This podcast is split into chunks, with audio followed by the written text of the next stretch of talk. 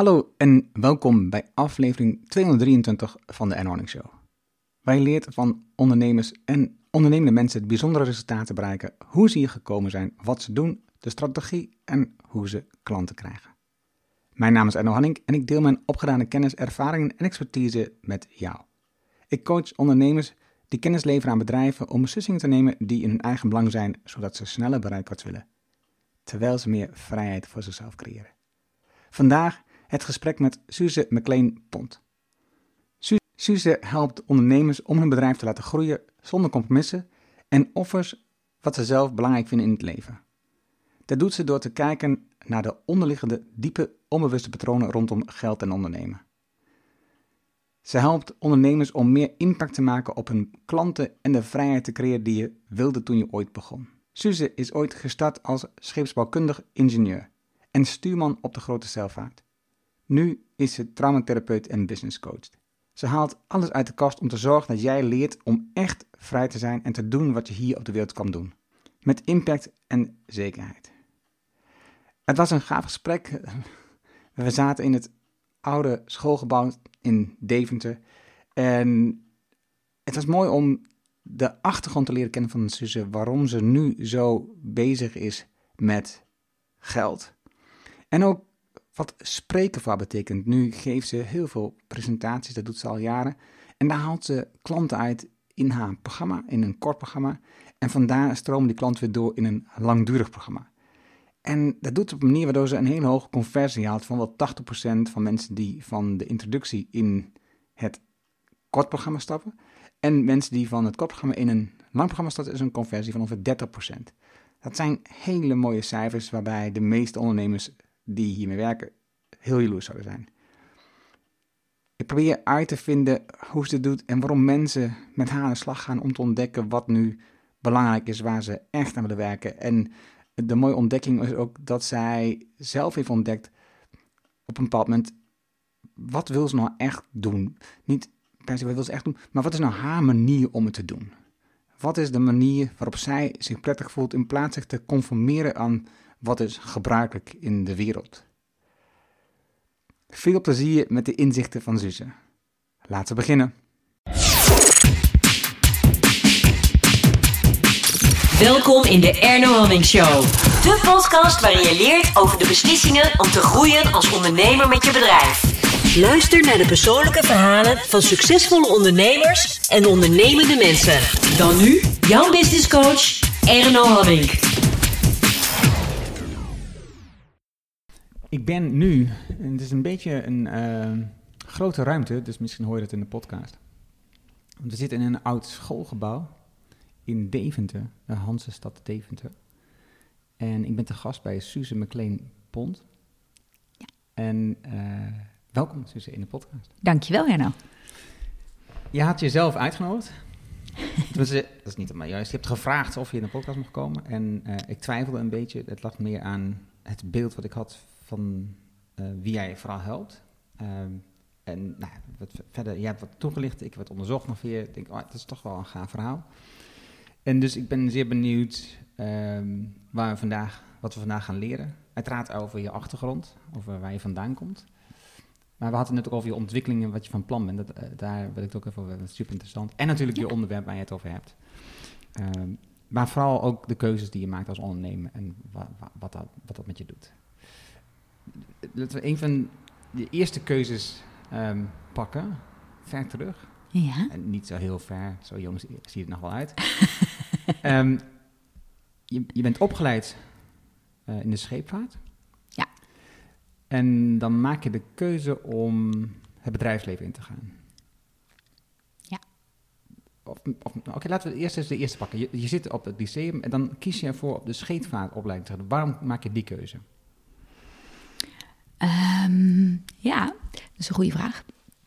Ik, heb, uh, ik ben iemand, ik ben in alles geïnteresseerd. Ik, ik wil alles leren. Ik vind het, als, ik, als er één ding is wat, wat ik boeiend vind, is, de, ik stel altijd de vraag, maar waarom zit het dan zo en hoe zit het dan? En waar ik ook kom, ik wil weten hoe dingen in elkaar zitten. Ik wil ze snappen, ik wil ze begrijpen. Op de middelbare school ook. Ik was een van de weinigen in mijn klas die leren leuk vond. Ik stelde vragen omdat ik geïnteresseerd was in de stof. En dat was een heel nieuw concept op de middelbare school waar ik zat. Ehm, en toen ik eindexamen deed, waren er 20, 25 studies waar ik uit kon kiezen. Ik heb serieus overwogen om Engelse literatuur in Oxford te gaan studeren. Ik had een tien voor Engels op mijn lijst. Ik uh, wilde de politiek in, ik wilde rechten studeren. Er waren zo ongelooflijk veel dingen die ik leuk vond. Maar ik heb ook mijn hele middelbare schoolperiode overleefd op schepen, zeilend. Van mijn veertiende tot mijn twintigste was ik iedere vrije dag op zee. En um, dat, die wereld, daar begreep ik mezelf. En ik dacht op een gegeven moment, ik wil ook iets met bootjes. En ik wilde eigenlijk met de hand houten schepen gaan leren bouwen. En dat wou ik in Engeland gaan doen bij een speciaal klein opleidingje... waar ze houten, eh, traditionele houtbouw leren. Maar ik dacht, ja, om nou op mijn achttiende daar in een klein dorpje te gaan wonen... laat ik eerst naar de ATS gaan. En ik dacht ook, dat is een vak wat ik later nooit meer kan bijleren. Als ik welke studie ik ook interessant vind, ik kan altijd Engelse literatuur gaan studeren in mijn vrije tijd. Maar scheepsbouw kan ik nooit meer bijleren. Dus laat ik nou eens een echt vak leren. Daarom ben ik scheepsbouw gaan doen. Hier, zitten er een aantal keuzes opnieuw in. Want. Oké, eh, waarom, waarom kies je ervoor? Waarom is het belangrijk voor je dat je een studie volgt? Ehm, als bijvoorbeeld ingenieur. En, want waarom heb je, ben je uiteindelijk naar Engeland gegaan om, om bij zo'n kleine opleiding te gaan? Dat was toch ook je scheepsbouw, je droom? klopt. Ja, en ik heb een rugafwijking. En ik dacht, ja, het is nogal een zware opleiding, of fysiek ook. En ik had vanaf mijn twaalfde een soort uh, ja, last van mijn rug. En de huisarts zei altijd, ja, dat gaan we niet onderzoeken, want je moet een gewone gezellige jeugd hebben. En we gaan je allemaal niet hele grote rugproblemen onderzoeken en uitzoeken hoe dat allemaal zit. Dus foto's maken we wel een keer als je 18 bent. We gaan nu gewoon zorgen dat je een ontspannen, fijne jeugd hebt. Kijk maar wat je fysiek kan en wat niet. Maar ik had altijd pijn. Um, en dat was een van de redenen dat ik dacht: ja, naar die opleiding, nou laat ik eerst die rug maar op orde hebben. En ik was altijd van plan om na de HTS alsnog die opleiding te gaan doen. Maar toen ik in de eerste zat daar, bleek dat dat absoluut niet haalbaar is voor mij. Er zitten een aantal wervels echt structureel aan elkaar vast. En dat kan ik niet doen. En toen stortte mijn wereld ook wel even in hoor. Want ik was eigenlijk die HTS helemaal niet gaan doen omdat ik ingenieur wilde worden. Of omdat ik nou zo graag berekeningen maak. Sterker nog, als je me een beetje kent, dan denk je... jij de dag achter de computer sommetjes maken, dat wordt niks. maar het was wel al met bootjes. Ik dacht, dan ben ik vast in die schepen bezig ik, was, ik, ik ben behoorlijk slim. De HTS was niet heel moeilijk voor mij, dus ik, ik redde het allemaal wel. Maar dat ingenieursvak was niet mijn eerste liefde. Ik heb het uiteindelijk wel afgemaakt, omdat halverwege de HTS mijn toenmalig vriendje een ernstig auto-ongeluk kreeg, hersenletsel opliep. En ik heel lang mijn studie onderbroken had en dacht, ja, om nou weer aan wat anders te gaan beginnen, dan lopen we zoveel vertraging op in het leven. Laat ik dit dan maar afmaken. Maar ik heb nooit gedacht dat scheepsbouwkundig ingenieur op een ingenieursbureau mijn roeping was. Maar die bootjes vond ik wel heel leuk. En ik ben ook altijd ja, blijven knutselen, zoals ik dat noem. Ehm, maar echt op een werf met de hand houten schepen bouwen, nou, ik zou het nog steeds willen. Dat is mooi. Even, die rug, dat is wel een dingetje. Je raakt iets bij mij. Ehm, ik, heb dat, ik heb die onderzoeken toen wel gedaan. Okay. In Enschede. En um, ik woon in Haaksberg. En op mijn vijftiende was duidelijk wat de, de afwijking was. Um, aan de hand van de foto's. er zaten uh, twee wervels die zaten los van elkaar, dus niet vast van elkaar, maar los van elkaar. En dat is um, onderin bij de L5, zeg maar, daarover de, S, de S1. En wat er dan gebeurt, is dat uh, langzaam aanschuift jouw um, wervelkolom af van dat onderste deel. Die schuift naar binnen en die schuift in de zenuwen. In de zenuwpijn. En, dus dat, en dat is dus de pijn. En, um, en wat ze toen hebben gedaan is het vastzetten. En dat was op mijn 16 Dus toen ik mijn MAVO klaar ben ik in de zomervakantie naar het ziekenhuis gegaan. Hebben ze me geopereerd. 15 weken, uh, nee, um, ehm, 9 weken in het ziekenhuis, 6 weken in Droesing in Enschede, het revalidatiecentrum. Uh, en dus 15 weken plat liggen. En, want op dat moment was de keuze voor mij of je gaat uh, in harnas of je wordt geopereerd. Dat zei de arts. Um, en dat moest ik dus op dat moment kiezen. En um, de harnas verhaal, dat is een ijzeren harnas waar je ook in slaapt en allemaal en zo. Dus ik dacht, dat is wel heel veel gedoe als ik al 16 ben. Plus, um, dat is een jaar zit je het harnas en dat herhaalt zich. Hè? Dat, omdat je het niet fixt, uh, blijft dat zich herhalen. Dus dat, dat is wel heel veel. Dus ik heb gekozen voor operatie. Maar dat was wel, dat was wel een, een, een dingetje op dat moment in mijn leven. Ja, dat is een heel groot ding. Ja, ja ik zeg dan altijd een dingetje. Uh, ja, uh, ja dat, dat, dat heeft veel effect gehad op wat... Um, op hoe ik in het leven sta, zeg maar. En dat is, het, het, grappige is...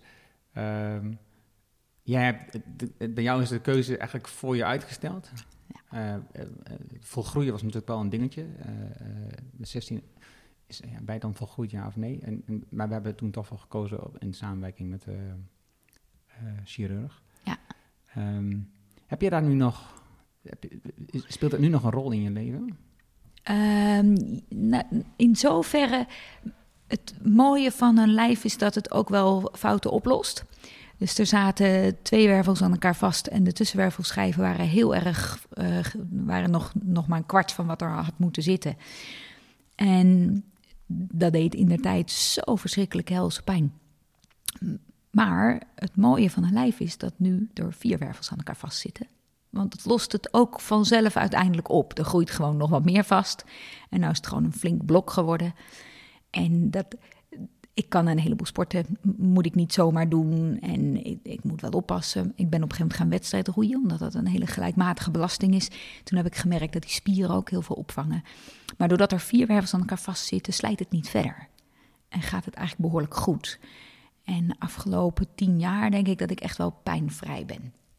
Dat is heel fijn. Iets anders wat het mij heeft opgeleverd, en dat vind ik wel heel mooi, um, is ik, het was zo ongelooflijk frustrerend dat ik al vanaf mijn veertiende die houten bootjes wilde bouwen. En naar de HTS ging en dacht, nou daarna ga ik naar Engeland. En dan, nou toen kon ik niks meer, voor mijn gevoel. En toen dacht ik dat ik ging voor wat ik het liefste wou. En dat kon ik nooit meer doen. Maar wat me dat opgeleverd heeft is, en daar, daar ben ik echt mijn rug ook wel dankbaar voor, is dat er niet maar één manier is om je droom te vervullen. Je kunt altijd een andere vorm vinden waarbinnen dat wat jij wil kan. En dat heb ik wel dankzij dit ingewikkelde lijf ontdekt. en ik, ik, denk ook dat dat is het proces waar je als mens heen gaat. En, en ja. iedereen heeft zo zijn eigen uh, worsteling. Uh, die een grote invloed heeft op hoe je je leven verder vormt. En uh, dus, dus, dat soort worsteling heeft iedereen altijd overal. Ja. Um, en de vraag is natuurlijk, hoe, hoe red je je daarmee? Hoe ga je daarmee om? Um, jij hebt het over je bootjes. E, e, even nog terug, want ik ben, ik ben nog steeds nieuwsgierig hierna. Want ik ben ook enorm nieuwsgierig. Al heb ik iets minder opleiding gedaan dan, dan jij, als ik, als ik, naar je lijstje opleiding kijk op LinkedIn. Um, maar eh, waar woonde je toen dan, dat je zoveel met bootjes bezig was? Wat, waar kwam dat vandaan, die liefde? Ja, de, ik, ik ben in Hilversum opgegroeid. Die, die liefde kwam maar eigenlijk... Mijn vader werkte bij IBM, maar die had een boot en wij gingen iedere zomer zeilen. Nou, mijn zusjes hebben daar juist op een bepaalde manier afstand van genomen. Ik ben daar juist helemaal ingedoken. Maar dat was ook de plek waar ik het meeste contact had met mijn vader. En um, waar hij daar echt was. Dus, dus, dat is iets, ik was er goed in. En ik ben op een gegeven moment in Muiden op een, op een platbodem gaan varen. En daar ontdekte ik... Een platbodem? Ja, een, een, een traditioneel Nederlands schip. Een, een, oud vrachtschip, maar wordt nu voor de. Je ziet ze wel eens varen op het IJsselmeer met van die grote houten platen aan de zijkant. Zijzwaarden heten die dingen. En uh, het zijn hele traditionele van oorsprong vrachtschepen. En daar kan je, die zijn nu allemaal omgebouwd om gewoon voor plezier op te varen. Um, en ik voer daar op een gegeven moment ieder weekend op. En wat ik daar ontdekte, is dat aan boord van een schip je helemaal jezelf kunt zijn. Maar dan ben je niet alleen, toch? Nee, je bent niet alleen. Nee, maar het interessante is, op school had ik een enorme worsteling en een strijd met meedoen met de groep. En ik dacht altijd dat ik uitgekotst werd door iedereen. En ik zat op Waarom? Ja, dat... Ze vonden mij vaak raar. Ik werd uitgelachen, ik mocht net niet meedoen. Ik zat in Hilversum op school, op een school met hele rijke mensen. Wij woonden in een hele rijke buurt. En mijn vader had een gewone baan bij IBM. Nou, hadden wij absoluut niet arm. maar het is echt een andere orde rijk dan de mensen waar ik mee op school zat. En ehm, bij ons thuis werd alles overlegd met mij. En bij hun thuis werd alles door hun ouders bepaald. Dus ik had ontzettend veel vrijheid. En die hadden zij eigenlijk niet. En zij hadden allerlei voorschriften en dingen waar ze aan voldeden die ik helemaal niet begreep. En dan dacht ik dat ik precies dezelfde kleding aan had als zij. Maar ik werd uitgelachen als ik het aandeed. En zij hoorden erbij en ik snapte het nooit. Ik snapte nooit hoe ik nou mee kon doen. En ik ging dan wanhopig mijn best doen om toch mee te kunnen doen. En dan werd het eigenlijk alleen maar erger. En, ehm, en ik begreep ook nooit, dat ben ik eigenlijk de afgelopen tien jaar pas begrijpen, waarom iedereen een vraag mocht stellen in de les behalve ik. Want als ik een vraag stelde, was het, oh, daar heb je haar weer.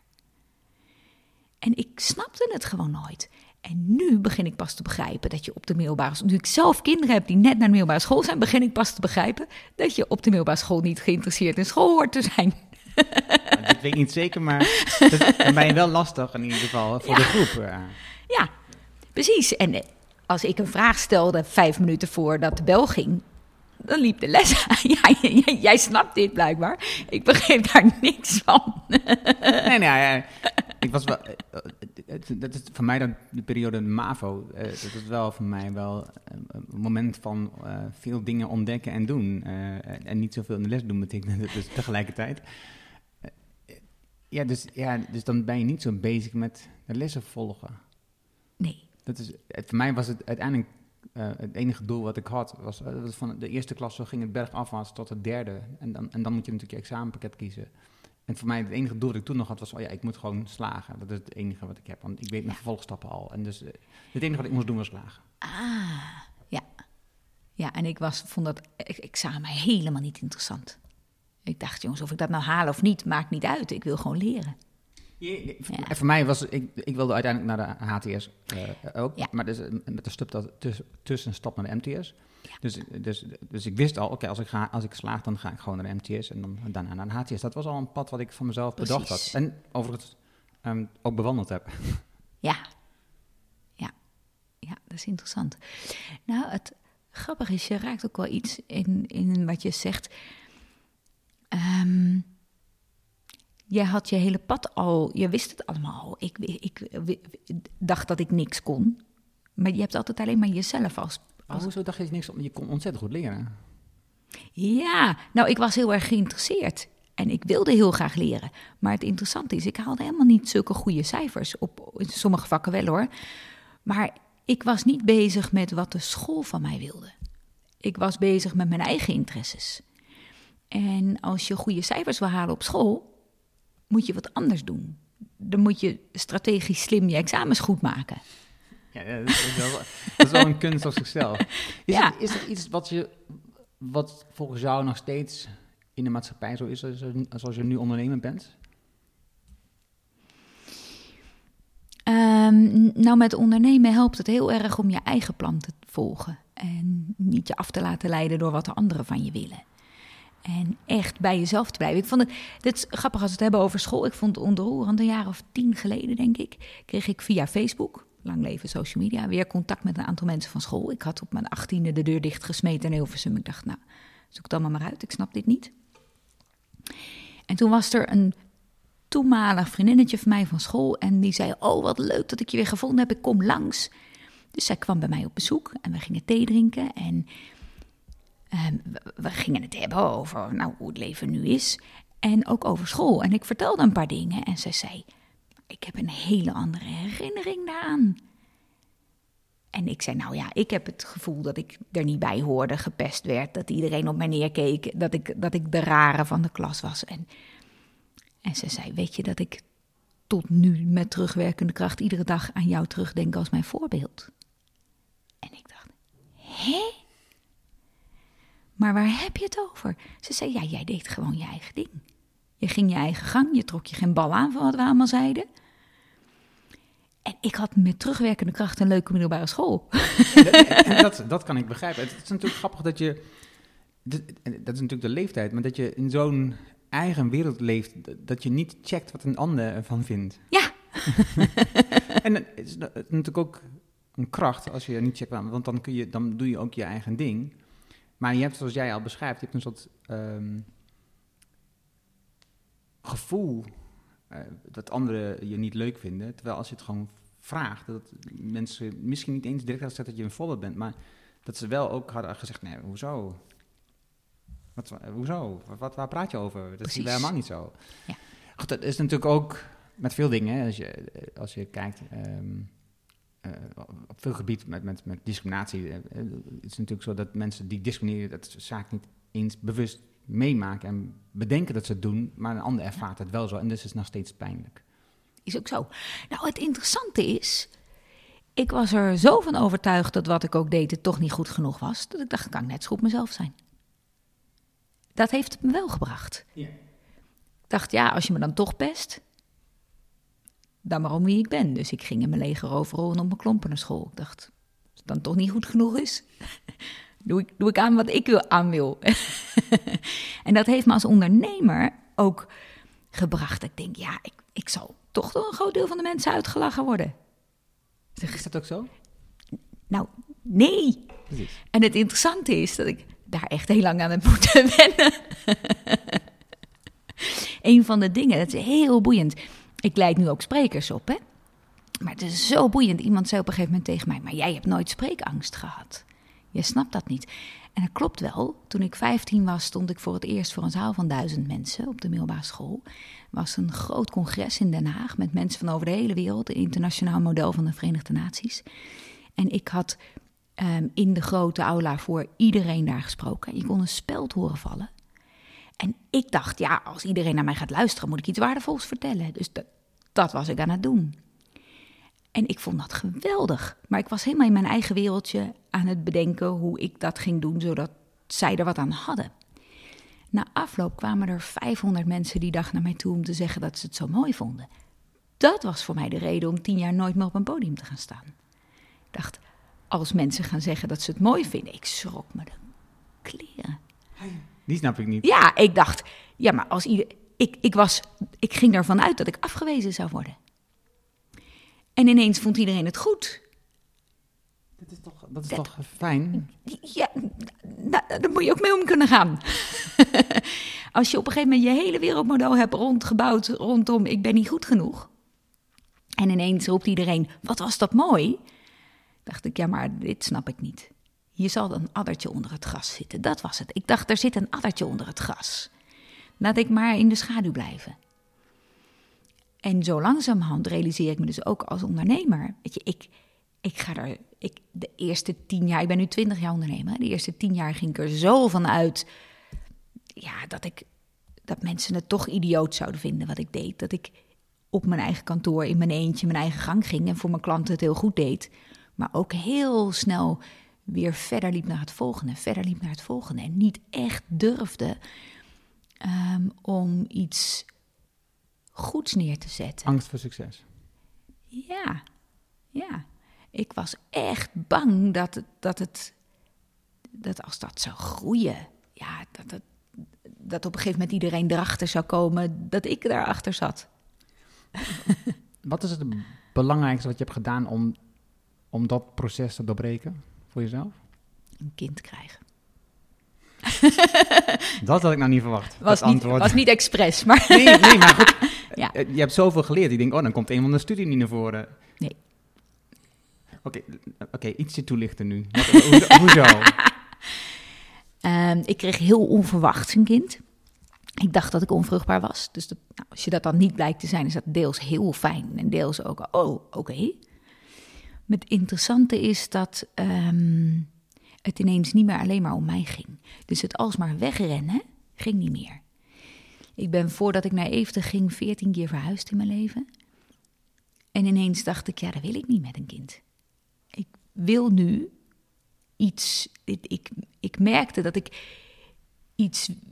Ik, ik, wilde dat kind niet in mijn ellende meenemen. Of, het, het, voel, nou, het, voelde, niet als ellende. Nee, nee, het voelde helemaal niet als ellende. Maar ik wilde dat dat kind een stevige basis zou krijgen. Ik dacht, toen ik acht weken zwanger was, liep zijn vader weg. Ik dacht, ik wil dat dat wat ik dan voor hem bouw ook veilig voelt. Dat vond ik ontzettend belangrijk. Ehm, dus toen besloot ik eigenlijk voor het eerst van mijn leven: ik blijf. Ik blijf waar ik ben. Ik blijf bij het bedrijf wat ik doe. Ehm, ik leerde Jacco kennen, daar ben ik mee getrouwd. Kreeg nog een kind. Dat was helemaal niet zo makkelijk in anderhalf jaar tijd. Dat allemaal. eh. En ik dacht, ja, maar dit keer blijf ik.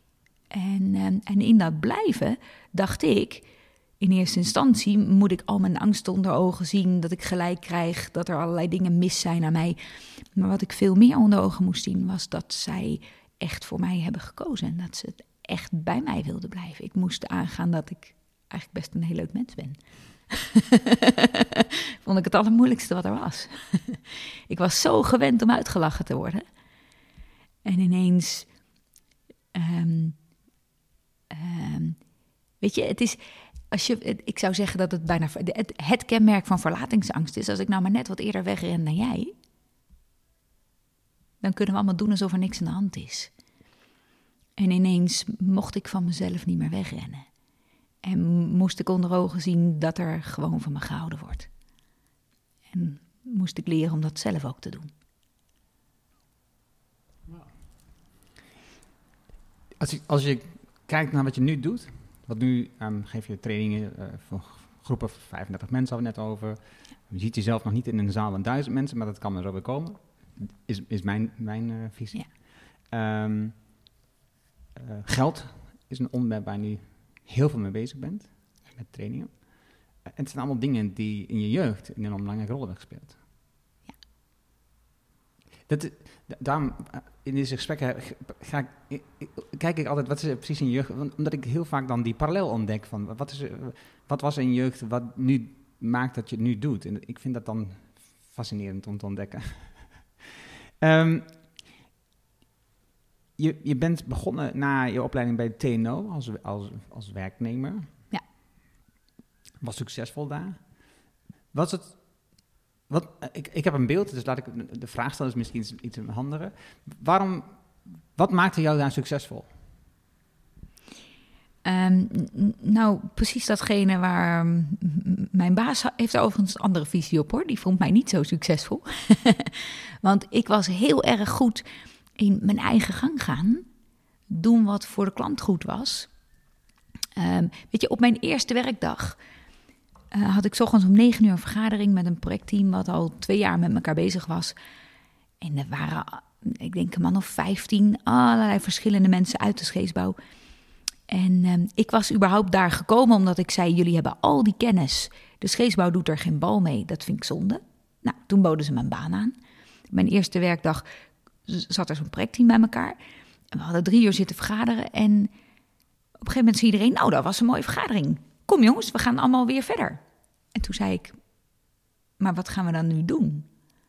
Weet je, we hebben allerlei mooie afspraken, mooie dingen bedacht. Maar ik zie nergens iets van iemand die nu een stap gaat zetten. Dus gaan we naar de volgende vergadering? Wat is er dan ineens wat jullie af hebben? Wat hebben jullie dan gedaan? En we hebben geld nodig. Wie gaat dat dan regelen?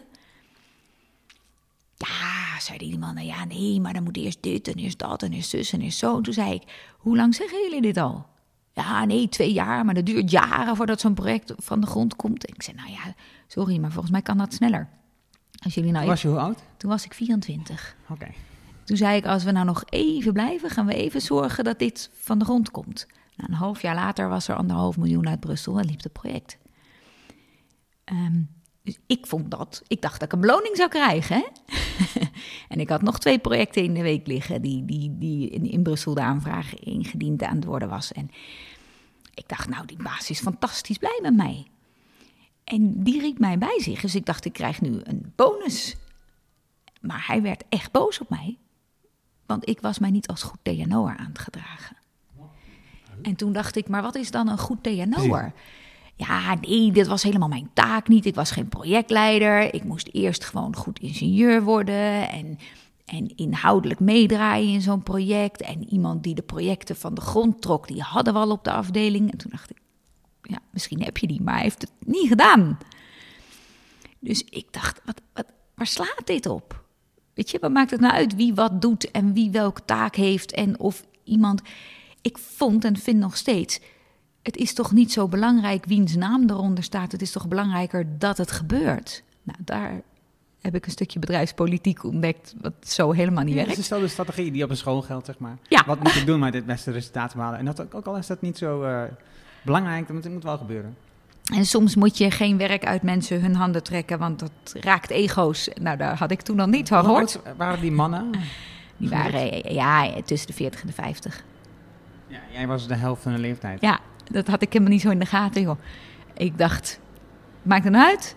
Ja, en ik ben nu 45 en terugderkend denk ik, nou, ik snap het eigenlijk wel. Je hebt dat gevoel nu ook gewoon. Als iemand er zo jong op af je komt en die heeft zulke ideeën dat je denkt, nee, dat, komt, dat kan nu niet. Nee, ik vind het prachtig. Ik stimuleer initiatief. Ik zie mijn kinderen dingen doen en denk ik, joh, ga maar kijken hoe ver je komt. Ga maar op je bek. Maar waarom, waarom begrijp je het nu wel? Omdat ik ehm, het enthousiasme en de energie. Weet je, ik, ik vind dat mensen fouten moeten maken. Het moet.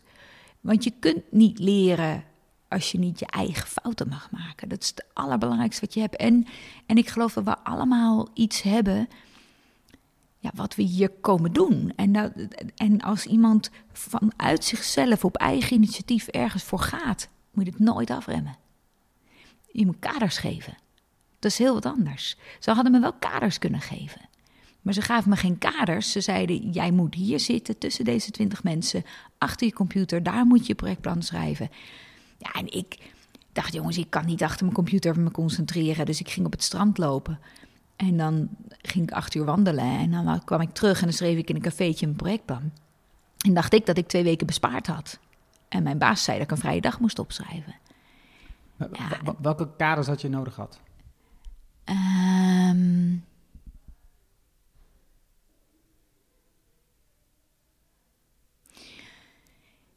ja, nou, hij had, me, ehm, hij had me sowieso kunnen uitleggen hoe TNO in elkaar zit. En dat de afdeling op een bepaalde manier afgerekend werd. Dat had ik best begrepen ook. Weet je, hij riep alleen maar dat ik niet goed was. Als hij had gezegd, joh, het TNO-systeem zit zo in elkaar dat we hier afgerekend worden op jouw directe uren op een project dan had ik kunnen begrijpen dat hij in de problemen was gekomen met zijn baas door mijn gedrag. Ik dacht nu alleen maar, jongen, dit is toch veel belangrijker. Had, ik, op een gegeven moment had ik een project opgezet met iemand uit een ander TNO-instituut. Ja, dat kon niet. Dat was concurrentie. Nou, dat begreep ik helemaal niet. Ik dacht, we zijn toch één groot bedrijf? Nou, hij had mij moeten uitleggen hoe TNO intern in elkaar zat. Hij had mij ook kunnen uitleggen, dat merk ik nu ook met mijn eigen personeel. Hè? In principe is het natuurlijk heel simpel. We werken hier voor de klant. Tegelijkertijd ehm, is het wel van belang dat we allemaal door één bril kijken en met één bepaalde visie voor die klant werken. Dus moet het op mijn manier omdat ik het zeg? Nee, maar moet wel op één manier, omdat anders de klant in de war raakt. Dit had hij me moeten uitleggen. Weet je, ik dacht, joh, ik ben gewoon die klant aan het helpen, bemoei je er niet mee. En hij kwam alleen maar met ja, dingen die ik geneuzel vond. En als hij me had uitgelegd, weet je, maar die klant wil TNO en dit is hoe we de dingen doen, dan had ik het er ook mee oneens kunnen zijn, maar dan had ik het wel gesnapt. Ja, dus fijn, fijn dat je ook gelijk dat brugje legt naar nu. Want ik denk dat dat is wel iets bijzonders wat je dus geleerd hebt op dat moment. Ook al Ja. was het niet, niet de meest makkelijke leermanier. maar je hebt wel geleerd hoe jij zelf ook nu kaders moet zetten voor je medewerkers. Ja. Ik ben nu, sterker nog, ik ben nu alles aan het invoeren waar ik, ehm, waarom ik bij TNO ben weggegaan. Dat is interessant, hè? nou ja, ik denk dat dat heel passend is, ja. Ja. ja. En alleen ik doe het nu met kader. En ik neem mensen mee en ik leg ze uit waarom we de dingen doen. En ze mogen het ook met me oneens zijn. En dan heb ik daar echt respect voor. En dan wil ik er ook graag naar luisteren. En dan zeg ik, weet je, dan gaan we daar ook een dag voor zitten en kijken wat we daarvan kunnen leren. Want ik ben, wou bijna zeggen, ik ben niet God. Oh, je komt in de buurt? Nee, ja, maar weet je, natuurlijk, het is wel mijn bedrijf. ja. Dus uiteindelijk ben ik verantwoordelijk. Dus als er onderaan de streep iets moet gebeuren, ja, dan, dan wil ik de verantwoordelijkheid kunnen nemen. En, en dan moet ik er ook in geloven. Maar ik hoef niet alles in, in handen te houden. Het hoeft niet allemaal op mijn manier. En ik, ik heb hele goede mensen in dienst met hele goede ideeën. En daar luister ik graag naar. Maar we kunnen niet iedere maandagochtend alle ideeën overhoop halen. Dat werkt ook niet. Je hebt nu vier mensen in dienst. Waar zie je de groei naartoe gaan? Als je praat over aantal mensen. Over aantal mensen zie ik. ehm, zie ik ons. Ik zie het nu op korte termijn, zo tussen nu en twee jaar, wel naar een man of tien groeien. En daarna? Daarna kan het een aantal kanten op. Dit, daar ben ik nog niet helemaal over uit. Het bedrijf hangt nu natuurlijk heel erg rondom dat ik de trainingen geef. Nou, vorig jaar heb ik ergens gedacht, ja, daar moet ook inhoudelijk werk van mijn bord af. Nou, op dit moment is dat niet wat de klanten willen. Dat betekent dat ik te veel het bedrijf rondom mij heb gebouwd. Dat is op zich niet zo erg. We zijn nu alles van mijn bord af aan het halen wat niet inhoudelijk is. Nou, dat gaat heel goed. Ehm, maar op een gegeven moment moet het steeds meer gaan naar dat het rondom mijn gedachtegoed is. Nou, dat kan ik ook anderen laten doen. Ehm, ik ben nu één iemand echt aan het opleiden om dat steeds meer te gaan doen. Dat vinden de klanten ook fijn op de achtergrond. Nou, op een gegeven moment zou het kunnen dat ik mensen ga opleiden om de programma's te geven inhoudelijk. Dat ze één richting niet op zou kunnen gaan. Het zou ook de richting op kunnen gaan ehm, dat we veel meer online doen en veel minder live. Ehm, en dat ik het live altijd blijf doen. Het, het- ja, er zitten zo'n aantal van die aspecten in. Weet je, ik er zijn ook wel een aantal grote Amerikaanse trainers die andere mensen uit hun naam laten trainen. En ik ik, ik weet het er niet altijd helemaal mee. Dus zit, daar zit ik zelf ook even aan. Hoe kunnen we de klant nou het beste helpen? Dat is eigenlijk altijd de vraag. Ja, dat is natuurlijk wel grappig. Als je naar een bedrijf kijkt, ehm, waarbij dus de frontpersoon eh, in de communicatie ook eigenlijk altijd de rol speelt. Dus waarbij je ook als klant, zeker als je kijkt in de coachingvorm, waarbij je als klant, ehm, of potentiële klant misschien beter, het gevoel hebt dat je gaat samenwerken met die persoon. En dat is ook waar je waar het naartoe opgebouwd is, je emotie, zeg maar. En dan ga je een training volgen en dan krijg je dat niet van die persoon. Dat is toch een soort teleurstelling. Dat is een teleurstelling. En tegelijkertijd begrijp, eh, begrijp ik het ook heel erg goed. Ja. En, maar dat is natuurlijk de, het risico eh, wat je loopt met klanten die die emoties krijgen, omdat je zelf eh, continu de communicatie doet voor je bedrijf. Ja. Als ik, ik denk dan heel erg bijvoorbeeld aan Dan Sullivan, uh, T. Harv Eker, Ja. waar je, of Eker, Eker Hm. is het, Ehm, waar je bent geweest. Ehm, ja, er zijn natuurlijk nog talloze personen op te noemen. Eh, in Nederland Laura Bab- Babiowski, maar- en die dat dan uit Amerika haalt van andere bekende coaches. Eh, da- daar zie je continu de frontpersoon die een enorme rol speelt. Waarbij je als deelnemer ook verwacht dat je op dat moment de training slash coaching begeleiding krijgt van die frontpersoon. En dus in zo'n geval ehm, eh, zie je dat dan zo'n grote klassikale ehm, of meer evenementachtige vorm van training in introductie om mensen binnen te halen, dat gebeurt dan door de persoon zelf. En daarna krijg je dan in de werkelijke uitvoering de training, coaching van een andere persoon. En dan is het toch ergens van, ja, maar die kent die stof toch niet zo goed als de oorspronkelijke training. Want daar had ik van verwacht dat ik het zou krijgen. En dus dat blijft een... Dat blijft een ding. Ja, Ja, en we zijn dat een beetje aan het ondervangen door ehm, meer per video te doen. Dat is één. Andere is door. Maar als je, als je, ik, wat, dit is een dingetje waar, ik ook veel ervaring mee heb. Dus, Ja. dus ik ben zeer benieuwd. Want nu, in het voorgesprek hadden we het even over. Je, je, je hebt nu een gevoel van groep is maximaal 35 mensen.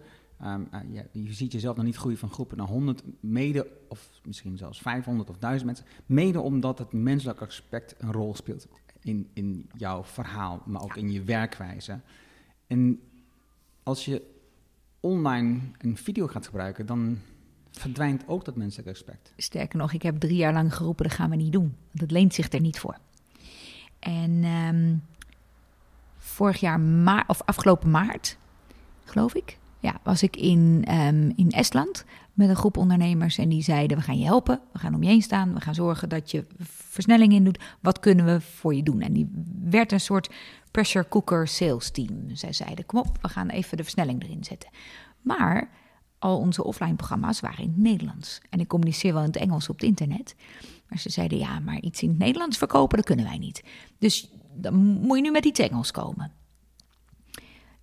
En toen zei ik, ja, nou, nou we kunnen de driedaagse in het Engels doen. Zeiden ze, ja, nee, nee, nee, we gaan iets online doen. En ik dacht, ja jongens, maar dat wordt niks. Toen zeiden ze, we gaan het gewoon testen. Kom op, we gaan het bouwen. Dus we hebben in een week een um, in elkaar geknutselde variant van de driedaagse in het Engels gebouwd. En dat getest met een groep van 15 mensen. Ik dacht, weet je, dat, ik wil het best testen. Dus we hebben het heel simpel houtje touwtje elkaar geknutseld. Um, geluid was wel goed, maar geen fantastische camera. En, en de, de, inhoud van het programma weet ik natuurlijk wel dat die goed is. Hè?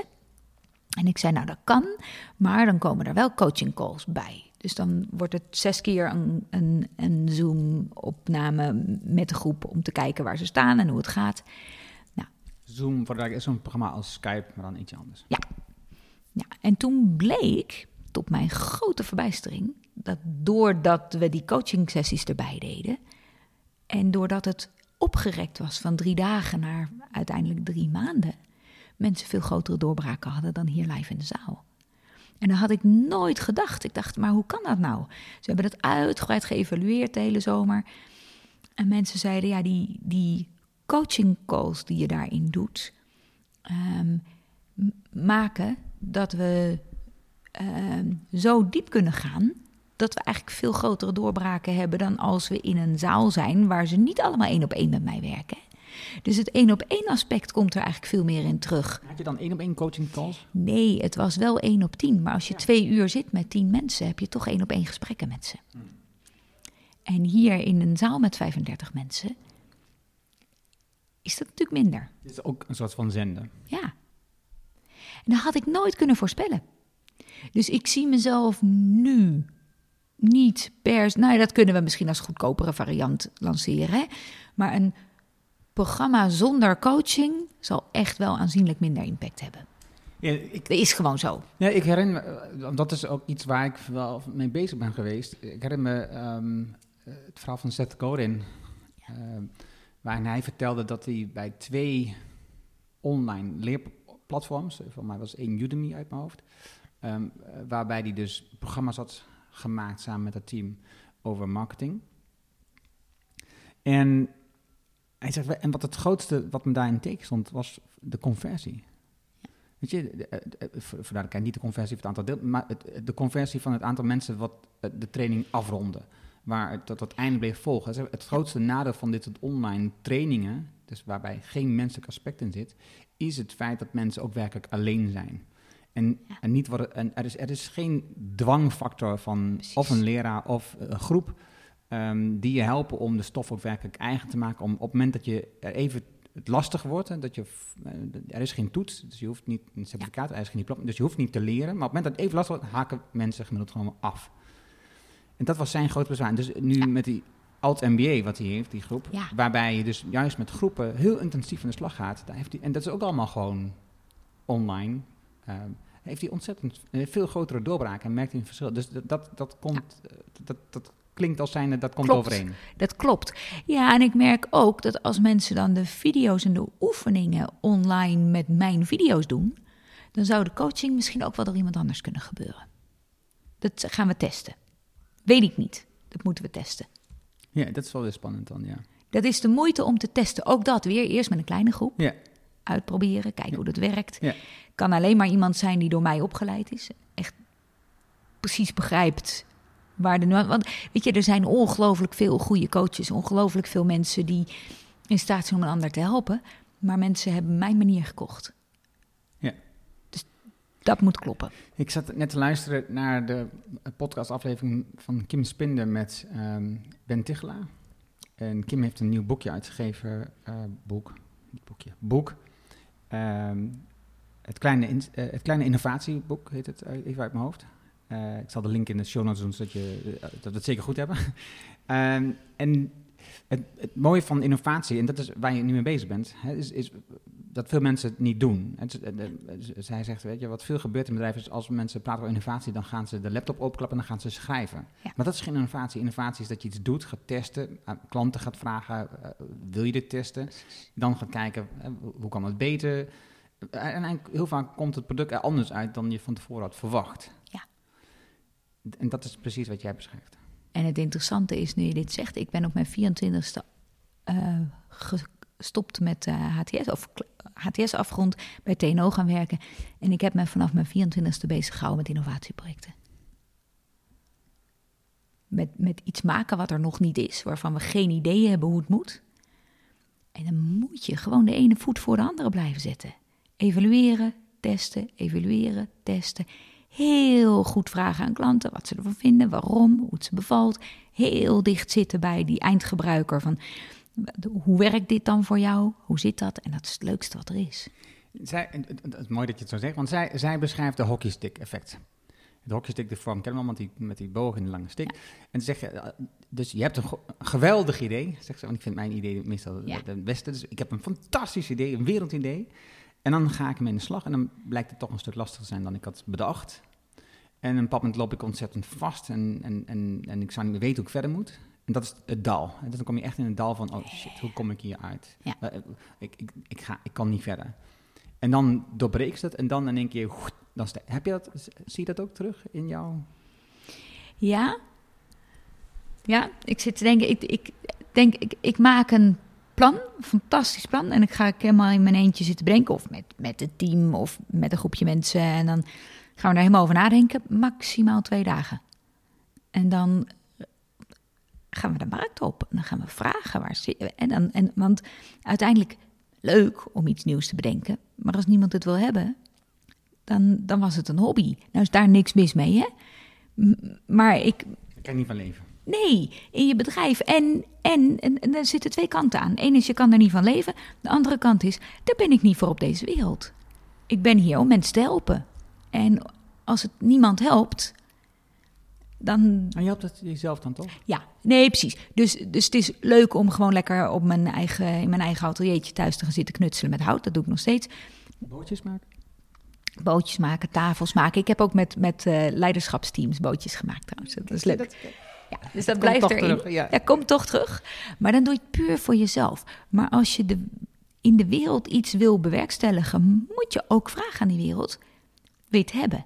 En wat de meeste mensen, ook bij TNO, maar ik zie het ondernemers ook doen, proberen is om op een zolderkamertje het helemaal af te hebben voordat het de wereld ingaat. En dan gaan ze het zitten knutselen totdat het er mooi genoeg uitziet om te verkopen. En ik denk, wil niemand het hebben. Nee, precies. Ik zie, die, ik zie die TNO'ers nog staan met hun innovaties... waar ze zes jaar met veel subsidiegeld uit Brussel aan gewerkt hadden. En dan, ja, nou, nu moet iemand anders het maar verkopen... want ik geloof dat ik geen goede sales ben. En ik denk altijd, eh, maar daar heeft het... Sales is het meest natuurlijke wat er bestaat in de wereld. Het verkopen kan iedereen en doet iedereen de hele godganse dag. Het is gewoon een transactie van iemand zijn probleem helpen oplossen.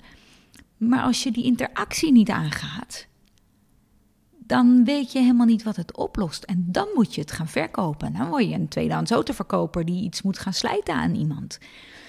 Maar als je gewoon vraagt, hé, hey, ik had dit idee, prima, dat parkeren we. Dan gaan we de wereld in en vragen, hé, waar zit jij eigenlijk mee? En dan, het interessante, dan komen we weer terug op die rug, hè. Het interessante is, ik had iets bedacht. Ik had een bepaalde vorm bedacht. Maar in werkelijkheid blijkt die niet te kunnen. Nou, welke vorm kan er dan wel? Waar gaat het dan eigenlijk over? Wat wilde ik dan eigenlijk? Waarom wilde ik die houten bootjes knutselen? Omdat ik hou van aandacht. Omdat ik hou van de liefde en het vakmanschap en de kwaliteit die daarin zit. En omdat ik wil dat mensen uh, voelen hoeveel waardering en, en ambacht en um, kwaliteit er is. Moet dat via een houten boot? Nee. Is, is, hoe vertaalt zich die ambacht van die boot? Dat is toch echt met je hand werken, iets creëren. Naar de ambacht die je hier dan, als ik dan ambacht mag noemen, um, uh, meebrengt in je trainingen. Nou, in een aantal dingen. Je ziet hier al, wij zitten niet meer in gehuurde zaaltjes. We zitten in een eigen ruimte waarin wij de context bepalen. En, en alles wat je hier ziet, heb ik met de hand zelf uitgekozen. Weet je, ik vind dat ook leuk en fijn om te doen. Maar uitkiezen is toch iets anders dan maken? Ja, dat klopt. Maar wij maken een bepaalde sfeer hier. Ehm, we maken een setting. We maken met elkaar een plek waar mensen voelen: oh, er is aandacht hier voor mij. Mensen die hier binnenkomen, weet je, en echt niet alles is hier volmaakt. Maar mensen komen hier en zeggen: oh, ik heb hier echt het gevoel dat ik er mag zijn en dat er aandacht voor me is. Nou, da- dat is één. Tweede is dat ik mensen hier laat voelen wat hun eigen ambacht is. Wat kom je nou doen in deze wereld? Wat, wat is nou dat waar jij echt voor bent? En dat is niet geld verdienen. Dat is een gevolg. Als jij dat wat jij kwam doen in de wereld echt doet, met een zekere mate van zekerheid, en zegt: jongens, dit is waar ik in geloof, dit is hoe ik je kan helpen, en je gaat dat echt doen. Ehm, dan gaat dat met aandacht, met kwaliteit. Dan luister naar je klanten. Dan wil je weten of dat wat je doet effect voor ze heeft. Dan, dan kan het je eigenlijk alleen maar schelen dat die klant zijn resultaat heeft. En als je dat goed doet, verdien je geld als water. Dat, voor mij was het in ieder geval een reis. Is het ook. Het is niet iets wat je in, oneerbiedig gezegd in een zaaltje leert en dan alles verandert. Het is gewoon een reis, een ontdekking Klopt. om dit, om, om dit proces je eigen te maken en te zien. Ja. Oké, dus, dus dit is het wat ik, eh, wa- Ja. wat ik leuk vind en waar mensen op zitten te wachten. Dat is ook zo. Even terug naar ehm, iets wat nog steeds in mijn hoofd eh, rondgaat, is het Estland-verhaal. Dus, dus waarom besluit je om naar Estland te gaan en, en hoe kom je daar, met, met wie zit je dan daar? Wij zaten daar met een hele grote groep ondernemers in het kader van een training die we zelf volgden. Wat een training was dat? Eh, dat was een training van Eric Edmeets, dat is een van mijn mentoren. En die ging over businessvrijheid. En Die training ging eigenlijk over het bouwen van systemen ehm, en manieren waardoor je bedrijf minder afhankelijk van jou wordt. Dus hoe kun je processen, structuren, hoe kun je ze zo opzetten dat ze echt voor je gaan werken?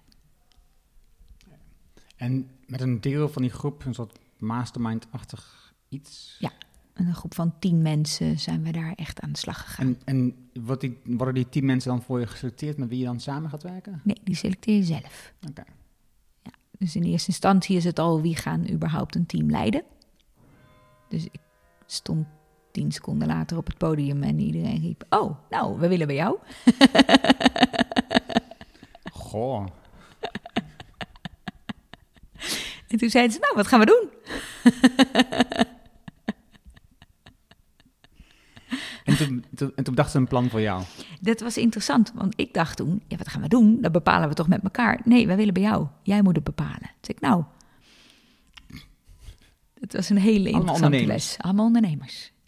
Bijzonder. Ja, dat was heel bijzonder. Oké. ehm, we hadden het erover dat je nu... We zitten hier in deze school, hier geef je ook de trainingen, er komen mensen samen. Ehm, je hebt je trainingen die je geeft. en daar heb je een scoringspercentage van tussen de 50 en 80 procent. Dus je geeft een training om mensen binnen te halen eh, in je uiteindelijke programma, traject. Ja. Wat doe jij om die mensen te helpen om zo, op zo'n moment een keuze te maken om dat te gaan doen? Ehm, een, aantal dingen. Ik blijf heel dicht bij wat zij willen. Dus ik probeer ze niet iets duidelijk te maken over wat ik zou willen. Ik vraag echt, wat, wat is jouw volgende stap? Ehm, en hoe kan ik je erbij helpen? Zijn 35 verschillende ideeën eh, wat Ja. zij willen.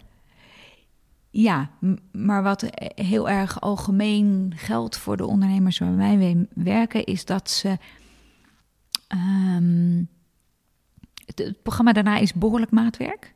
Dus dat, het is wel in een groep, maar er is heel veel tijd en ruimte en aandacht voor jou. Dat vind ik ook belangrijk, omdat iedereen net anders is. Maar wat wij doen in die drie dagen is mensen laten voelen wat er echt mogelijk is voor hun als ze voor de met het risico dat ik zweverig ga klinken, maar als ze durven gaan voor de vrijheid waarmee ze in deze wereld zijn gekomen. Weet je, ieder ondernemer wil vrijheid. Anders was je in loondienst gebleven. De, dat, nou ja, dat denk ik. Misschien zijn er nog andere redenen hoor, maar de meeste mensen willen vrijheid. En als ik dan vraag, wat is vrijheid? Zegt ze, ja, dat ik helemaal vol met werk zit. Dat is al interessant, hè? en dan denk ik, oké, dat zou kunnen. Maar waar gaat het dan over? De meeste ondernemers waar mij mee werken willen niet hun bedrijf verkopen op enig moment. Dat is niet hun doel. Hun doel is niet geld. Hun doel is. En ze willen ook niet niks doen. Ze willen van waarde zijn. Ze willen betekenisvol zijn. Ze willen iets in de wereld veranderen en bijdragen. En als ze het daarover hebben, dan vraag ik aan ze: maar waar zit die vrijheid dan in? Ja, dat ik dat helemaal durf en helemaal kan doen op de manier waar ik in geloof. Nou, wat wij doen in die drie dagen is echt laten voelen hoe dat eruit zou zijn, zien en wat dat voor ze zou betekenen. En we helpen ze om door hun innerlijke barrières daarover heen te breken. En het interessante is dat ze dan ook zeggen: Oh, we hadden laatst een ondernemer die heeft 20 man personeel in dienst. Die werkt 25 jaar als ondernemer. En die zei: Ik ging daarna, werd ik wakker de volgende ochtend. En hij zei: Het is voor het eerst in 25 jaar dat ik echt het gevoel heb dat het op mijn manier mag. Dat het uitmaakt wie ik ben. Nou, dat laten we ze voelen. Vervolgens kun je het niet meteen. Het is precies wat je zegt, het is een reis. Het is gewoon een, een, een reis. Daar kun je twintig jaar over doen. Of je kunt met begeleiding dat veel sneller doen. Hoe lang is het programma daarna? Tussen de zes maanden en de twee jaar. Het hangt er een beetje vanaf. We hebben drie varianten. Mijn zes maanden is, is wat we doen iedere keer weer opnieuw je die vragen stellen van wat gooit het leven dan nu op je bord wat je denkt dat je eerst moet doen en waar, waar zit jij nu echt en wat houdt jou nou werkelijk tegen? Nou, dat, Eén ding weet ik, als je dat zes maanden doet en steeds je laat ondervragen daarover, dan slijt er een patroon in waardoor je dat zelf kunt. Maar er zijn ook mensen bij ons die een sprekersopleiding bij ons doen en die gaat niet echt over. Nou, gaat ook over beter spreken, maar gaat vooral over zo contact houden met de zaal dat je je eigen plan ook kunt loslaten en die interactie echt aan kunt gaan met de mensen die daar zitten. En echt Ehm, met een groep mensen impact durft te maken en niet bang bent voor wat er allemaal zou kunnen gebeuren. En wat is dan je programma van twee jaar? Dan, dan is het, ehm, dus dan krijgen ze zes maanden, hoe houden ze zichzelf tegen? En dan hebben we een vijfdaagse business makeover. En dan kijken we echt naar ehm, hoe moet jij nou je bedrijf doen? Weet je, sales, marketing, dat kan je overal leren. Maar hoe creëer je de zekerheid in jezelf om dat echt te doen? Ehm, dus dan brengen we je heel dicht bij wie ben jij nou? Wat kwam jij nou doen en hoe kun je daar helemaal voor gaan staan in, de, in het leven? Zodat, zodat je bedrijf meer impact krijgt. Je hoeft niet eens meer klanten te hebben, maar gewoon meer impact op de klanten die je hebt. Ja, ik, dat is ook een belangrijk onderwerp voor mij altijd. Want het, ik denk dat het niet per se gaat over meer klanten. Alleen al om het feit dat de ondernemers waar ik mee werk, die, die werken al knetterhard. Ja ze hebben al heel veel werk op hun bord liggen. En, en de omzet is al een bepaald niveau. En ja. op het moment dat we dan praten over meer klanten, dan denk ze, uh, nog meer werk, dat, dat kan ik niet aan. Ik heb, ik heb niet nog meer werk nodig. Precies. Maar ze willen wel meer resultaat, meer impact. Dat is wel de behoefte die blijft. En dus, eigenlijk willen ze uit, uit het werk wat ze nu doen, en meer dingen oppakken die juist meer effect resulteren. Ja. Ja, en een van de dingen die jij zet is, ze werken knetterhard. En wij hier ook, ondernemers die werken tussen de 60 en de 80 uur per week. Ik heb mijn bedrijf in 24 uur per week gebouwd. En ik geloof dat dat echt kan. Ja, ja, ik ook. Alleen als je heel dicht bij jezelf durft te blijven. Ja, ja ik, ik, en, en oké, okay, dat is wel een mooie trouwens natuurlijk nu te denken. Ik kan ik wil wat gaan zeggen, maar ik denk ik kan ook een vraag stellen hierover. Want wat betekent dan voor jou dan heel erg dicht bij jezelf blijven? Dat je, tot die 24 uur kunt, dat je binnen die 24 uur kunt blijven? Nou, dat je echt durft kijken, wat is nou voor mij belangrijk? Twee kanten op. Eén, om voor jezelf te zorgen. Weet je, waar, waar je met je eigen grenzen? Ik zal er zo een voorbeeld van geven. Maar, en de andere is, ehm, waar wil je echt impact maken? Een voorbeeld is, ik had, uh, is nu tien jaar geleden denk ik, had ik een bedrijf waarbij ik de hele wereld overvloog en overal trainingen gaf aan de raden van bestuur van grote corporates. En ik vond dat fantastisch. Dat wou ik mijn hele leven al doen. Of op dat niveau impact maken vond ik geweldig. En ik dacht, nou ja, maar dit is geen compromis wat ik nu maak. Dit is wat ik echt wil. En ik vloog naar Singapore en dan zat ik daar twee weken. En dan was ik drie dagen thuis. En dan ging ik naar Helsinki en dan was ik twee weken thuis. En ja, ik had kinderen van twee en drie. Maar ja, weet je, dit wou ik al mijn hele leven. Tot ik op een ochtend mijn dochter naar school bracht. En zij aan mij vroeg, mama wil je me uitzwaaien als ik naar binnen loop? En mijn trein naar Schiphol ging om twee voor half negen. En om half negen begon de school. Dus ik zei, nee lieverd, ik geef jou nu een knuffel en ik ga. En toen barstte zij in huilen uit en wierp zich aan mijn been. En ik moest haar met geweld van mij afrukken en aan de juf die ze net kende vastplakken. En wegfietsen terwijl zij daar huilend stond. En toen dacht ik, ik weet niet aan wie ik dit lulverhaal heb verteld, maar dit, dit is niet wat ik wil.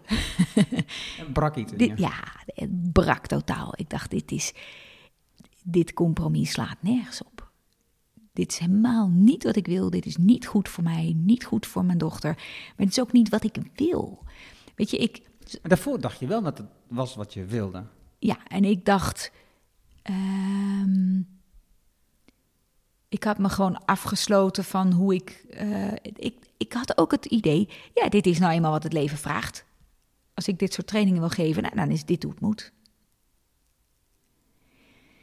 En, en toen kwam ik erachter, nee, als mensen willen dat ik dat soort trainingen ga geven, dan moet het op mijn manier, anders kan ik het niet. En dat is, als je het nou hebt over dichter bij jezelf, toen ben ik gaan kijken, wat zijn de. Dus toen ben ik eigenlijk een enorme shift gaan maken naar, dit is wat de wereld om me heen van mij vraagt. En naar, nee, wacht even, hoe kan ik er echt voor ze zijn? En toen ben ik het op mijn eigen voorwaarden gaan doen en gaan zeggen, ik ga niet verder dan Amersfoort voor een training. En als je wil, moet je een vliegtuig stappen en naar mij komen. In hoeverre was je toen afgeweken van, voordat je die, dat moment dat je brak, maar van de keuze die je hebt gemaakt in je jeugd om je van de omgeving niks meer aan te trekken? Um, nou, dat is interessant. Ik dacht dat ik moet alles in mijn eentje doen ik was toen gaan kijken naar, oh, blijkbaar willen mensen mij wel, blijkbaar ben ik wel wat waard. En ik was daar echt mee aan het zoeken van, goh, weet je, als iemand in Singapore huilend in de zaal zit omdat je zo'n impact heeft, hebt gehad, dan denk je, oh, goh, blijkbaar is het wel belangrijk wat ik doe.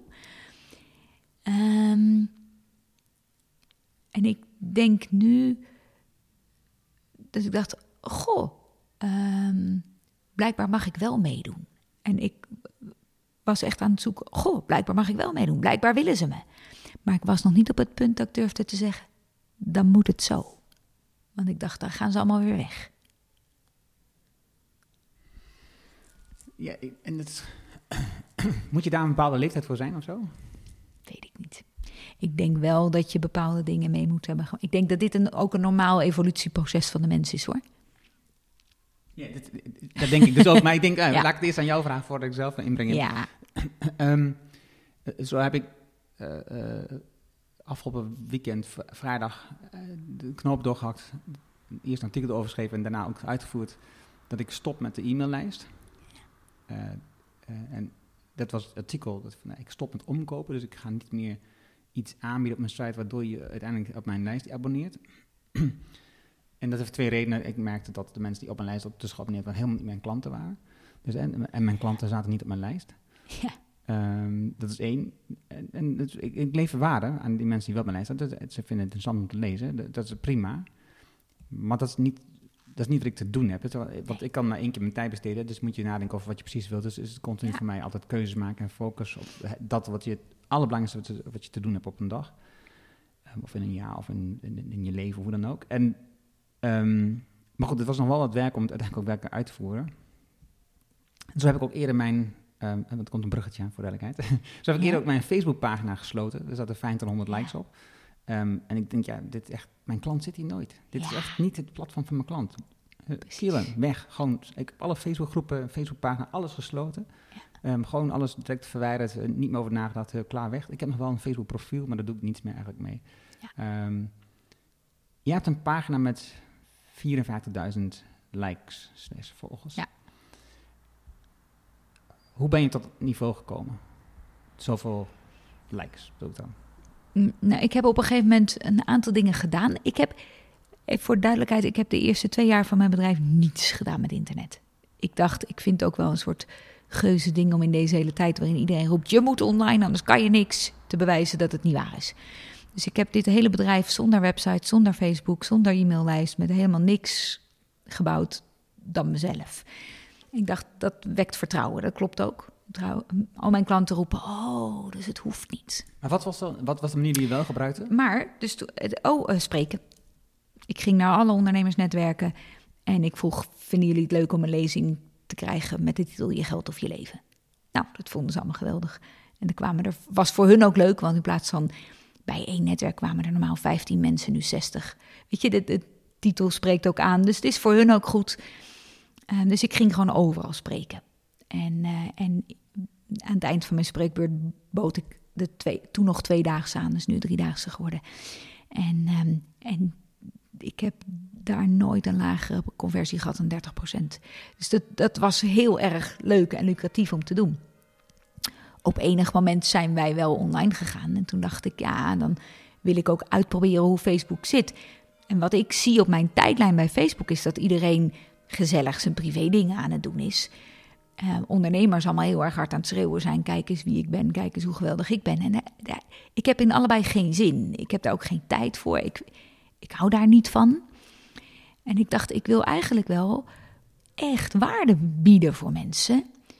En, en het leuk hebben voor mezelf. Dus we hebben op een gegeven moment met een groep ondernemers afgesproken om drie keer per week een Facebook Live te doen in een treintje over een onderwerp. Dus dat betekent dat jij en ik en nog drie anderen afspreken. Joh, maandag gaan we het hebben over geld. Of deze week gaan we het hebben over geld. Maandag over management van geld. En woensdag over sales. En vrijdag over weet ik veel wat. En de week daarna hebben we het over gezondheid. En dan over drie dingen. Dus we hadden onderwerpen.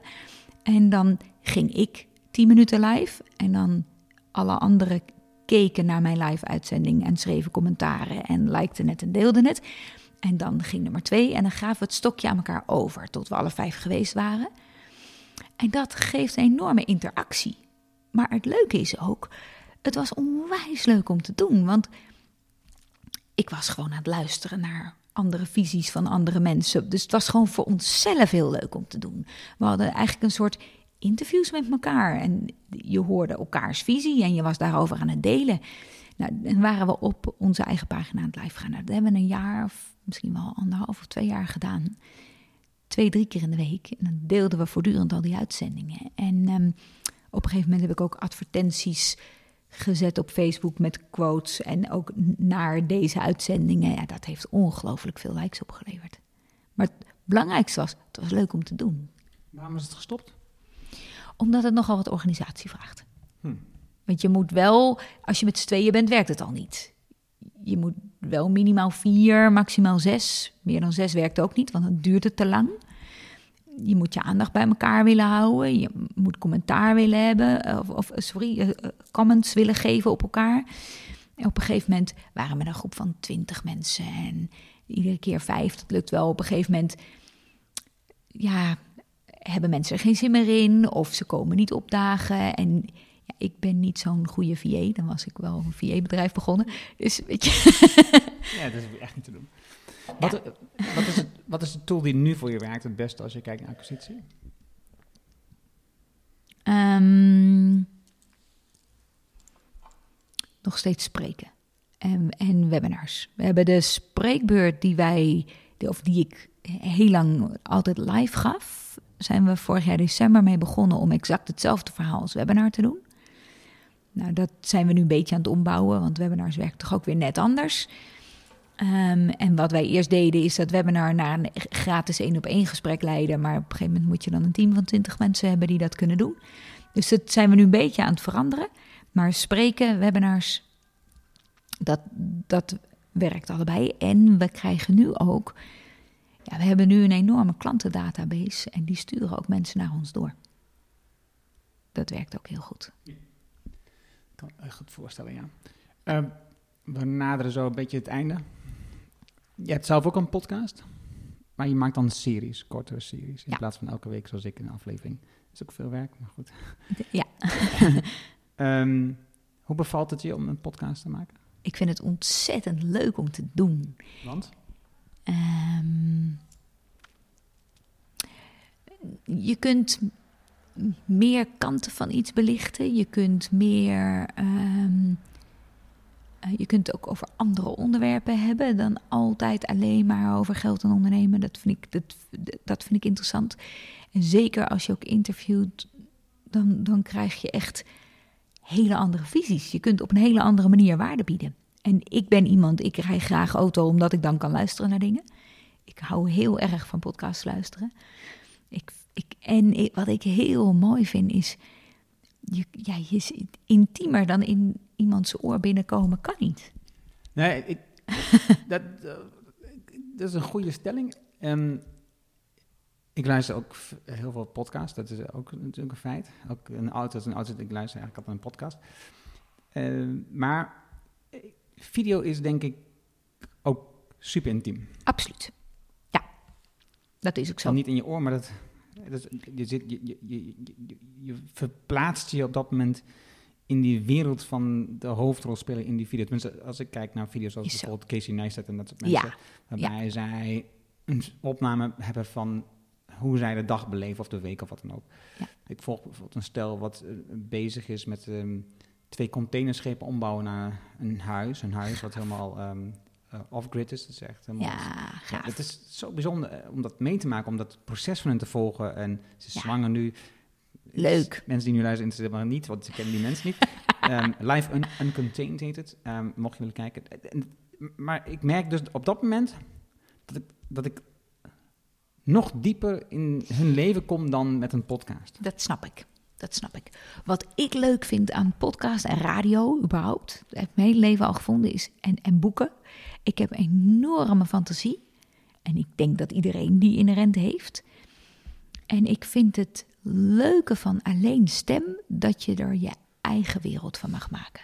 Ja, en het is altijd mooi, want als je dan werkelijk die persoon moet, denk je, oh, je ziet er anders uit dan ik had Ja. verwacht. Dat is waar.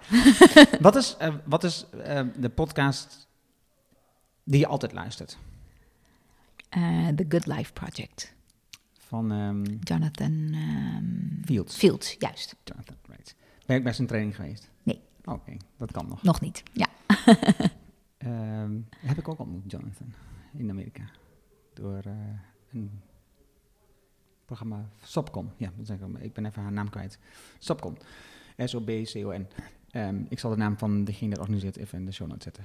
Ehm, Oké, dus Jonathan Fields eh, heeft, ja, heeft ook een bijzonder visie om je eigen ding te doen. Dat is mooi. Ja. Ehm, wat is het boek wat jij de laatste tijd het meeste hebt weggegeven of wat de meeste impact op je heeft gehad? Eh, The Surrender Experiment van Michael Singer. Ken je iets? Leg eens uit, waar gaat het over? Ehm, Waarom moet ik het lezen? Dit gaat heel erg over hoe je je kunt overgeven aan de stroom van het leven. Een van de dingen die ik heel erg belangrijk vind is, we proberen allemaal iets te maken wat verderop in de tijd ligt. Hè? En dat is ook een van de dingen waar wij het meest met mensen aan werken. Dat je, als ik dit voor elkaar heb, dan kan ik dat. En zo worden van kleins af opgevoed ook. Hè? Als je je kamer op opruimt, dan krijg je een snoepje. Als je je eindexamen hebt gehad, dan kan je een leuke opleiding doen. En dat is steeds zo voorwaardelijk. Ehm, maar we weten allemaal niet hoe het leven over één minuut zal zijn. Of over een jaar, of over tien jaar. We weten helemaal niks. En, en er zijn natuurlijk duizenden goeroes op dit moment bezig met je moet in het moment zijn.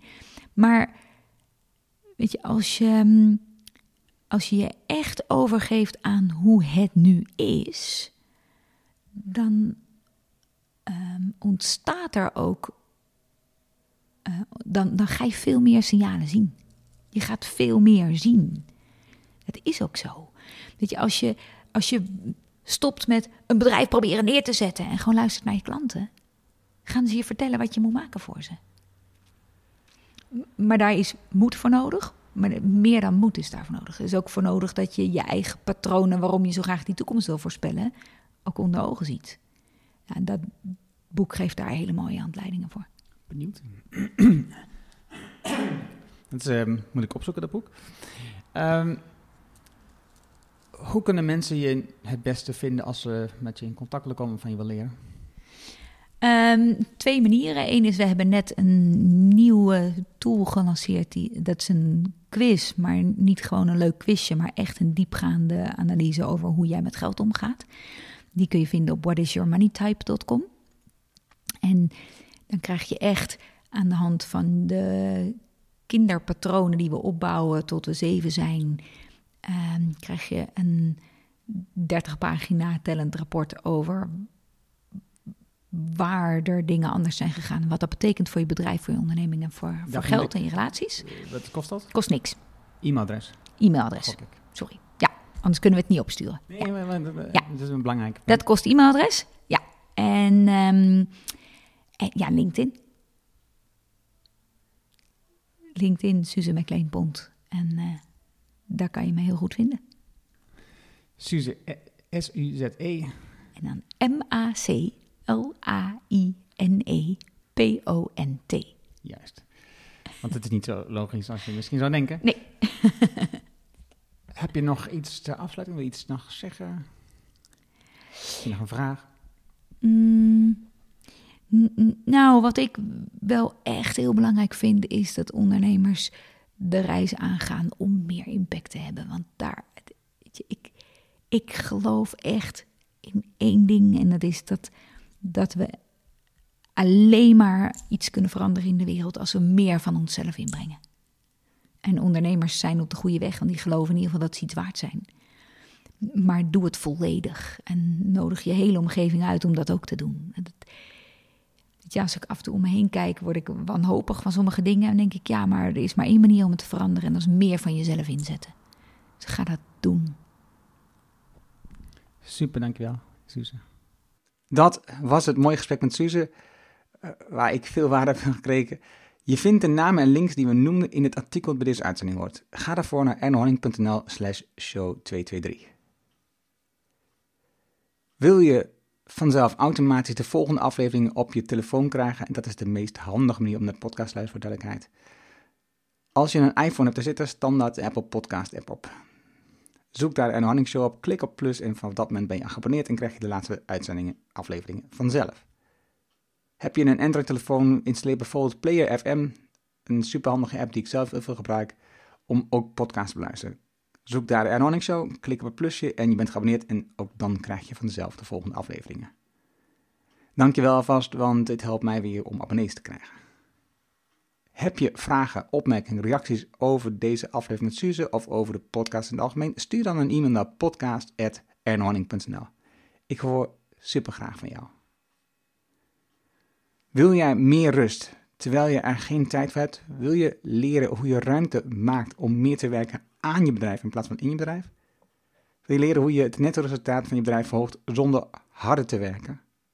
Vraag dan het gratis boek aan Beter Beslissingen en Beter Bedrijf op ernohanning.nl. En nu heb ik het ook nog aangepast. Nu kun je het gewoon direct downloaden zonder dat je een e-mailadres achterlaat. Dit nieuwste boek krijg je helemaal gratis. Als je de digitale versie neemt, wil je de papieren versie, kan ook, daar heb ik een beperkte oplage van. Dan betaal je alleen de verzendkosten. Het boekje krijg je nog steeds van mij gratis. Vraag jouw boek nu aan op ernohanning.nl en het is een dun boekje, je leest het in één avond uit. Dankjewel voor het luisteren en graag tot de volgende. Dankjewel voor het luisteren naar de Erno Hanning Show op ernohanning.nl.